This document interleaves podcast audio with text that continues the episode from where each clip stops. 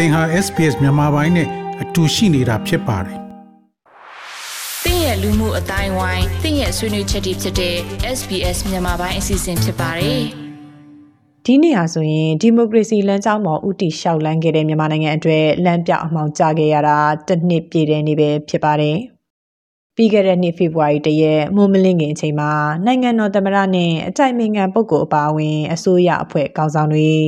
နိုင်ငံရေးခေါင်းဆောင်တွေဖမ်းဆီးခံခဲ့ရပြီးမနက်လင်းချိန်မှာတော့တည်င်းဆိုတွေနဲ့အတူပြည်သူတွေနှိုးချခဲ့ရတာပါတန်း90ကျော်ပြည်သူတွေကလူငယ်တွေဟာလည်းအင်တာနက်နဲ့ဖုန်းလိုင်းတွေပိတ်ဆို့ခံခဲ့ရမှုတွေနဲ့အတူအနာဂတ်လမ်းတွေပျောက်ခဲ့ရတာဒီနေ့ဆိုတစ်နှစ်တင်းတင်းပြည့်ခဲ့ပါပြီ။တိုင်းပြည်ရဲ့အနာဂတ်လို့တင်စားခဲ့ကြတဲ့လူငယ်တွေဖမ်းဆီးအကျဉ်းချခံရတာနှိပ်စက်တပ်ဖြတ်ခံရတာတွေဟာအာဏာသိမ်းတစ်နှစ်တာကာလရဲ့အကြီးတန်းပြရုပ်တွေလို့လည်းဆိုနိုင်ပါတယ်။ စစ်အာဏာရှင်တော်လှန်ရေးတစ်နှစ်တာအတွင်းကြာဆုံးခဲ့ရသူပေါင်း1500ကျော်ရှိပြီဖြစ်ပြီးအဲ့ဒီထဲမှာဆန္ဒပြပွဲအတွင်းဥကောင်းကိုတနက်နဲ့ပြစ်တက်ခံရလို့သေဆုံးခဲ့ရတဲ့လူငယ်အနည်းဆုံး85ဦးထက်မနည်းရှိတယ်လို့လူခွင့်ရေးစောင့်ကြည့်တဲ့အဖွဲ့တွေကနေသိရပါတယ်။အဲ့ဒီလိုလူငယ်တွေအပေါ်အတိကပြစ်မှတ်ထားတက်ဖြတ်ဖမ်းဆီးတာတွေကိုစစ်ကောင်စီကလုပ်နေပေမဲ့တော်လန်ရေးအာမန်တွေကတော့လုံးဝမလျော့ကျသွားဘူးလို့လူငယ်တွေကဆိုကြပါတယ်။ လူငယ်တဦးလည်းဖြစ်သူရတနာမုံတက္ကသိုလ်ကျောင်းသားတမကတည်င်းနဲ့ပြန်ကြားရေးတာဝန်ခံကိုမင်းကန်ကျော်ကလူငယ်တွေကရင်းရဲတယ်နော်တခုကရင်းရဲတယ်ကျွန်တော်တို့မျိုးတော်လန်ကြီးอ่ะဟိုအမြင့်တစ်ခုကြီးရောက်ဟိုကျွန်တော်တေးစစ်တပ်ကကျွန်တော်တို့တေးရဲလားလို့မေးမေးပြီးတနက်နဲ့ပြတ်တက်ပြလူငယ်တွေကအခုချိန်မှာမင်းတို့တေးရလားဆိုပြန်မြင်းအောင်ထိစူးစားခဲ့ကြဒီ3လလောက်နဲ့ရင်းပြီးတော့ဖြေတခုခေါင်းမြန်ဖြစ်နေအောင်ကျွန်တော်လူငယ်တွေရင်းခဲ့ရင်းတဲ့အချိန်မှာအသက်တွေအများကြီးရင်းခဲ့ကျွန်တော်တို့ တပိတ်ထွက်တယ်တပိတ်ထွက်တဲ့အချိန်မှာဟိုကျွန်တော်ဂျင်းတွေတော့ကြုံခဲ့ရပါတော့ဒီမှာပြန်ပြီးတော့ခုကခံမချနဲ့ဗာတေခံလိုက်ပါအဲ့လိုရှိတကယ်လည်းလမ်းပေါ်မှာတေးခဲ့တယ်ဘာပြန်လို့ကျွန်တော်လူငယ်တွေကရင်းရဲတယ်လုံရဲတယ်အများကြီးရင်းရဲလုံရဲအဲ့အတွက်လည်းကျွန်တော်တို့ဒီဒီမျိုးတော်လိုင်းတစ်နှစ်အတွင်းမှာရှားနဲ့ကိုပြောင်းပြန်ချင်းပြတဲ့နေရာတွေဖြစ်ဟိုကျွန်တော်တို့လူငယ်တွေတိုင်းသားတွေဓမ္မဘက်ကချက်တည်ရဲ့လူငယ်တွေလူလူတွေအားလုံးကစူးစမ်းမှုဒီကျွန်တော်တို့ရဲ့ချင်းတင်နိုင်တယ်ပြောင်းပြန်ချင်းပြန် ဒါဒီမှာကျွန်တော်တို့အားလုံးရဲ့တွန်းအားတွေပေးဆက်မှုတွေရုန်းကန်မှုတွေစူးစမ်းမှုတွေကြောင့်ကျွန်တော်တို့ဒီ reset ကိုပြောင်းပြန်ချင်းထားတဲ့အနေအထားကိုရောက်နေတယ်လို့ကျွန်တော်မြင်ပါတယ်စစ်အာဏာရှင်စက်ကြီးရဲ့တနှစ်တာကိုပြန်ကြည့်မယ်ဆိုရင်ရှေ့တန်းကနေလက်နက်ကင်တော်လှန်နေတဲ့လူငယ်တွေလိုပဲအရေးပါတဲ့ကဏ္ဍမှာနောက်ထပ်ရှိနေတာကအကြမ်းမဖက်အာဏာဖီဆန်ရေး CDM မှာပါဝင်တဲ့နိုင်ငံဝန်ထမ်းတွေပါ အဲ့ဒီလှုပ်ရှားမှုကိုအာနာသိမ့်ပြီး၃ရက်မြောက်နေ့မှာဆရာဝန်သူနာပြုကျန်းမာရေးဝန်ထမ်းတွေကပထမဆုံးစတင်လိုက်ပြီးနောက်ဌာနဆောင်ကဝန်ထမ်းအသီးသီးပါဝင်ခဲ့ကြပါတယ်။လက်ရှိမှာတော့ရဲနဲ့စစ်သားအပါအဝင် အောက်ခြေဝန်ထမ်းတွေကစပြီးအဆင့်မြင့်အရာရှိပညာရှင်တွေအထိကဏ္ဍအသီးသီးက CDM ဝင်ထားတဲ့ဝန်ထမ်းအရေးအတွက်ဟာ9သိန်းအထက်မှာရှိနေပါတယ်။ နှွေဦးတော်လိုင်းရေးအားမလျော့သွားဖို့အရေးကြီးတောက်တိုင်တစ်ခုဖြစ်တဲ့ CDM လှုပ်ရှားမှုမှာပါဝင်သူတွေကိုအကြမ်းဖက်စစ်ကောင်စီကလိုက်လံဖမ်းဆီးတာ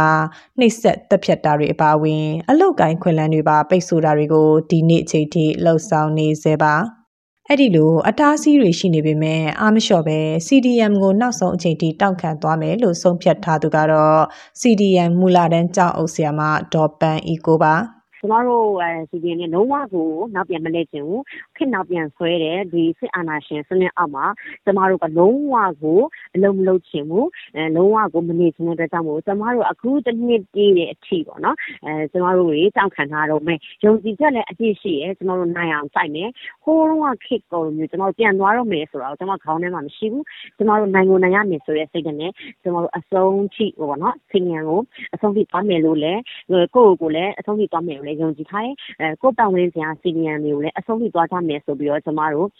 ဒါကျမတို့အပြန်အလှန်အားပေးခြင်းနဲ့ပေါ့နော်။အပြန်အလှန်အားပေးထားတယ်ပေါ့။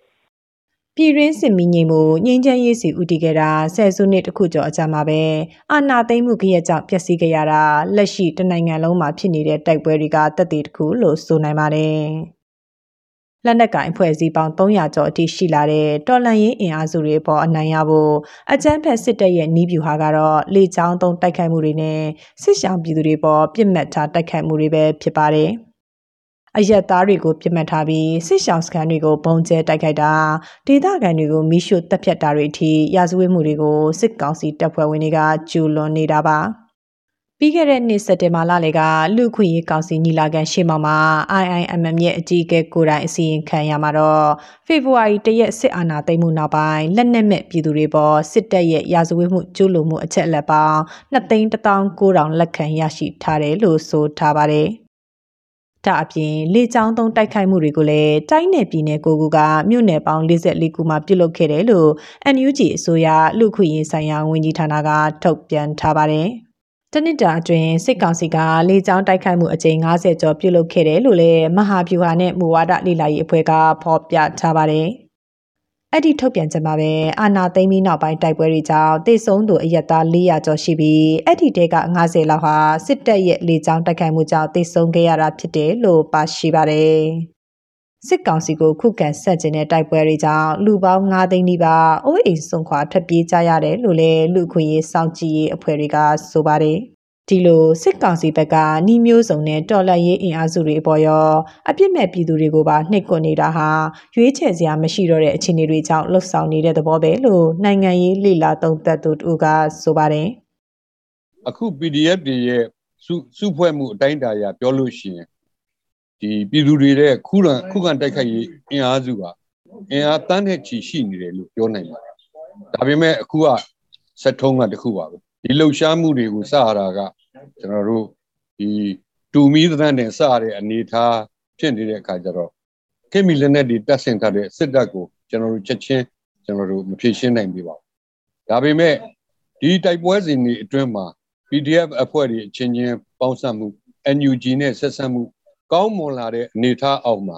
စစ်ကောင်စီအနေနဲ့နယ်မြေထိန်းသိမ်းရေးလုပ်ငန်းနဲ့လူမှုလှုပ်ရှားမှုတွေကိုဖိနှိပ်နိုင်တဲ့အခြေအနေဟာတဖြည်းဖြည်းခြေကုံလက်ပန်းကျလာပါမကြခင်ပြည်သူလူထုရဲ့ဒီတမိုင်းမှာမကြုံမှုတဲ့ပေါင်းစည်းမှုအောက်မှာပြည်သူတွေအောင်မွဲခံမဲ့ကာလကိုကျွန်တော်တို့လှမ်းမြင်နေရပြီလို့ကျွန်တော်တို့ကတော့ပြောပါ တနှစ်ပြည့်ပြီဖြစ်တဲ့ပြည်သူတွေရဲ့စစ်အာဏာရှင်စက်ကြီးရေးຫນွေဦးတော်လှန်ရေးအရှင်ကတော့ဆက်ပြီးကောင်းနေစေပါဒီနေ့မှာပဲပြည်တော်ဝင်မှုယုံကြဆိုဆိုတဲ့ဆောင်ပုံနဲ့အတန်တိတ်တပိတ်လှုပ်ရှားမှုအောင်မြင်မှုအတွက်ပြည်သူစည်းလုံးမှုကိုပြီးခဲ့တဲ့ရက်တွေကလေးကတွေ့မြင်ခဲ့ရပါတယ်။ ပြီးခဲ့တဲ့နှစ်မတ်လ24ရက်နဲ့ဒီဇင်ဘာ10ရက်အပြည်ပြည်ဆိုင်ရာလူခွင့်ရေးနေ့တွေမှာလည်းစစ်ကောင်စီကိုမလိုလားကြောင်းအုပ်ချုပ်မရနိုင်ကြောင်းပြသဖို့နိုင်ငံတော်ဝန်အတန်တိတ်တပိတ်တွေပြုလုပ်ခဲ့ကြပါသေးတယ်။နှစ်ချိန်စလုံးဟာလည်းလူစီကားရနေရာတိုင်းမှာအကြတန်အောင်မကြားရလောက်အောင်တိတ်ဆိတ်အောင်မြင်ခဲ့တာပါ။ ဒါကြောင့်စစ်ကောင်စီဘက်ကတော့အခုတစ်ခေါက်အတန်တိတ်တပိတ်မှာပါဝင်သူတွေကိုဥပဒေရအရေးယူမယ်ဆိုတာတွေစိုက်ပိတ်မယ်ဆိုတဲ့သူတွေကိုဖမ်းဆီးအရေးယူတာလမ်းပေါ်လူထွက်အောင်အခမ်းအနားတွေလို့ညွှန်ကြားချက်ထုတ်ပြန်တာတွေပါလှုပ်ဆောင်ခဲ့ပါတယ်ဒီလိုလှုပ်ဆောင်ချက်တွေဟာစစ်ကောင်စီရဲ့ပြည်သူတွေပေါ်ကြောက်ရွံ့မှုကိုပြနေတာဖြစ်တယ်လို့နိုင်ငံရေးအကျဉ်းသားဟောင်းဦးထွန်းကြည်ကပြောပါတယ်သူတို့အကြောက်ဆုံးကတော့အဲ့ဒါပဲနော် ဒီပြည်သူလူထုရဲ့စီးလုံးညညွတ်မှုသူတို့အကြောက်ဆုံးပဲဘယ်ခေတ်ဘယ်ခါနဲ့မှမတွေ့ဘူးလေဗျာတော့သူတို့ဘက်ကဘယ်လိုမြင်လာလဲဆိုတော့လူလိုင်းကဗျာကြောက်ခမန်းနေလူပင်လေကကြောက်ခမန်းနေလေကျွန်တော်တို့ဒီကမ္ဘာတမိုင်းမှာအော်မရှိခဲ့ဘူးတဲ့ပေါ့ဗျာမရခဲ့ဘူးတဲ့ဒီဒီပြည်သူလူထုရဲ့စီးလုံးညညွတ်မှုပေါ့ဗျာ အဲ့ဒါကຫນွေဦးတော်လန်ရေးဆိုပြီးတော့စပြီးတော့เนาะဖြစ်တည်မှုမှဒီအခုချိန်ထိပေါ့ဗျာသူတို့လုံးဝအုပ်ချုပ်လို့မရခဲ့ဘူးသူတို့ငကိုတော့ကမှားဆချက်တွေပေါ့နော်မှန်းချက်တဲ့နှမ်းထွက်မကြိုက်ခဲ့ဘူးအဲ့ဒါသူတို့ရဲ့တောက်တိုင်ကြီးသုံးခုဖြစ်တဲ့နံပါတ်1မူတာဝါဒနံပါတ်2ကအကြောက်တရားနံပါတ်3အခွင့်အလမ်းဒါတွေတကယ်တကယ်လေးကြာအခုချိန်နေမောင်မြင်သေးဘူးဗျာ စစ်ကောင်စီဟာနိုင်ငံအာဏာကိုအတ္တမသိမ်းယူခဲ့ပေမဲ့ရွေးကောက်ပွဲမဲပထမမှုကြောင့်အာဏာထိန်းတယ်ဆိုတဲ့စကားလုံးကိုပဲတွင်တွင်သုံးခဲ့တာပါဒါပေမဲ့လက်ရှိအချိန်ထိပြည်သူတွေပေါ်အုပ်ချုပ်လို့မရတာအပြင်တိုင်းပြည်ရဲ့နိုင်ငံရေးစီးပွားရေးကျန်းမာရေးပညာရေးနဲ့ငြိမ်းချမ်းရေးစတဲ့အဓိကထောက်တိုင်အသီးသီးကိုပါမထိန်ချုပ်နိုင်တဲ့အခြေအနေမှာရှိနေပါတယ်။ စီးပွားရေးမှာဆိုရင်လည်းပြည်ရင်းမှာလာရောက်ယင်းနှိမ့်မြုံနယ်နဲ့နိုင်ငံတကာလုပ်ငန်းကုမ္ပဏီတွေထွက်ခွာသွားတာအခုလပိုင်းအတွင်းမှာဆိုတိုတယ်အပါအဝင် အခြားနာမည်ကြီးရေနံနဲ့တဘာဝတက်ငွေလုပ်ငန်းကုမ္ပဏီတွေပါပါဝင်လာပါပြီ။ကမ္ဘာ့ဘဏ်ရဲ့သုံးသပ်ချက်မှာတော့စီးပွားရေးပမာဏ18ရာခိုင်နှုန်းကျုံသွားပြီးစိုးရိမ်ရလောက်အောင်အားနည်းတဲ့စီးပွားရေးဖြစ်သွားခဲ့တယ်လို့ဖော်ပြထားပါတယ်။ ဒီလိုအဖက်ဖက်ကကြာရှုံးမှုတွေရှိနေပေမဲ့ ပြည်သူတွေအတက်တော့ စစ်ကောင်စီကို အစိုးရတရက်အနေနဲ့ နေရာမပေးသေးတာက အောင်မြင်မှုတစ်ခုပဲလို့ အမျိုးသားညီညွတ်ရေးတိုင်ပင်ခံကောင်စီ NUCC က သတင်းစာရှင်းလင်းပွဲမှာ အခုလို သုံးသပ်ပြောဆိုပါတယ်ဟောဒီတစ်နှစ်အတွင်းမှာ ကျွန်တော်တို့အားလုံးပေါ့နော် ကျွန်တော်တို့အားလုံး ဘာအောင်မြင်ခဲ့တယ်လဲဆိုတော့စေအုပ်စုကို အပြေးပြေးဆိုင်ရာတာတမအတိုင်းဝဲမှာအတိမမပြုဘူးဆိုတာကတော့ ကျွန်တော်တို့ရဲ့ အောင်မြင်မှုလို့ ကျွန်တော်ကတော့ တင်ပြချင်ပါတယ် နော် diplomatic community မှာစေအုပ်စုကကုလသမဂ္ဂမှာကိုယ်စားလှယ်မရှိပါဘူးနော်ဦးကျော်မိုးထွန်းကကျွန်တော်တို့ရဲ့ဒီမိုကရေစီအင်အားစုရဲ့ကိုယ်စားလှယ်ပါနောက်တစ်ခါအင်ပဒန်ခက်ခဲသောအာဆီယံမှာလည်းစေအုပ်စုကဒီကသူတို့ရဲ့ထိပ်သီးကောင်းဆောင်စီဝင်းမှာဝင်ခွင့်မရပါဘူးကမ်ဘောဒီးယားကဘယ်လိုပဲသွားသွားအခုဝင်ခွင့်မရသေးဘူးဆိုတော့လေကျွန်တော်တို့ရဲ့ဒီနိုင်ငံရေးပြည်ပြည်ဆိုင်ရာနိုင်ငံရေးတိုက်ပွဲမှာအောင်မြင်မှုပါခင်ဗျာစီရေးရပြောမယ်ဆိုလို့ရှိရင်လေ တစ်ခါမှစေအုပ်စုကမကြုံဘူးတဲ့ဒီစကိုင်းတိုင်းမှာမကွေးတိုင်းမှာအင်မတန်ပြင်းထန်တဲ့တုံ့ပြန်မှုတွေကိုရနေတယ်ဆိုတော့ကျွန်တော်တို့တိုင်းတာတွေးရပါတယ်အဲ့ဒီလိုနိုင်ငံတကာရေးရာတန်တမန်ရေးရာအရာအကြမ်းဖက်စစ်ကောင်စီကိုလက်ရှိတစ်နှစ်ပြည့်ချိန်အထိမြန်မာနိုင်ငံရဲ့အစိုးရတရက်နေရာမှာအတိအမှတ်မပြုသေးတာဟာပြည်သူတွေတွားနေတဲ့တော်လှန်ရေးလမ်းကြောင်းအတွက်အားရစရာတစ်ခုအဖြစ်မှတ်ယူကြသူတွေလည်းရှိပါတယ်။ ဒါပေမဲ့တစ်ဖက်မှာလည်းပြည်သူတွေကတော့စစ်အာဏာရှင်စနစ်အလုံးစုံပြတ်သုံးရေးကိုသာလိုလားနေကြတာပါ။နိုင်ငံတကာရဲ့အရေးယူမှုအကူအညီတွေကိုပဲမျှော်ကိုမနေပဲ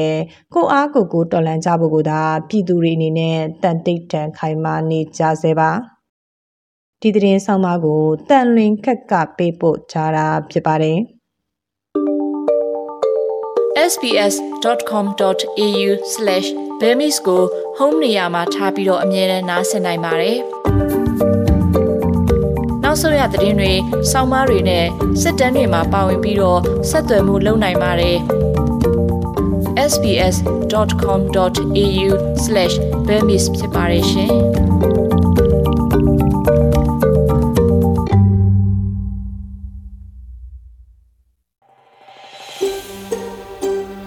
ဒါမျိုးသတင်းဆောင်မတွေကိုပိုနားဆင်လိုပါလား Apple Podcast Google Podcast Spotify တို့မှာသင်ပင်ရာဖြစ်ဖြစ်ရယူတဲ့ podcast ကနေပါ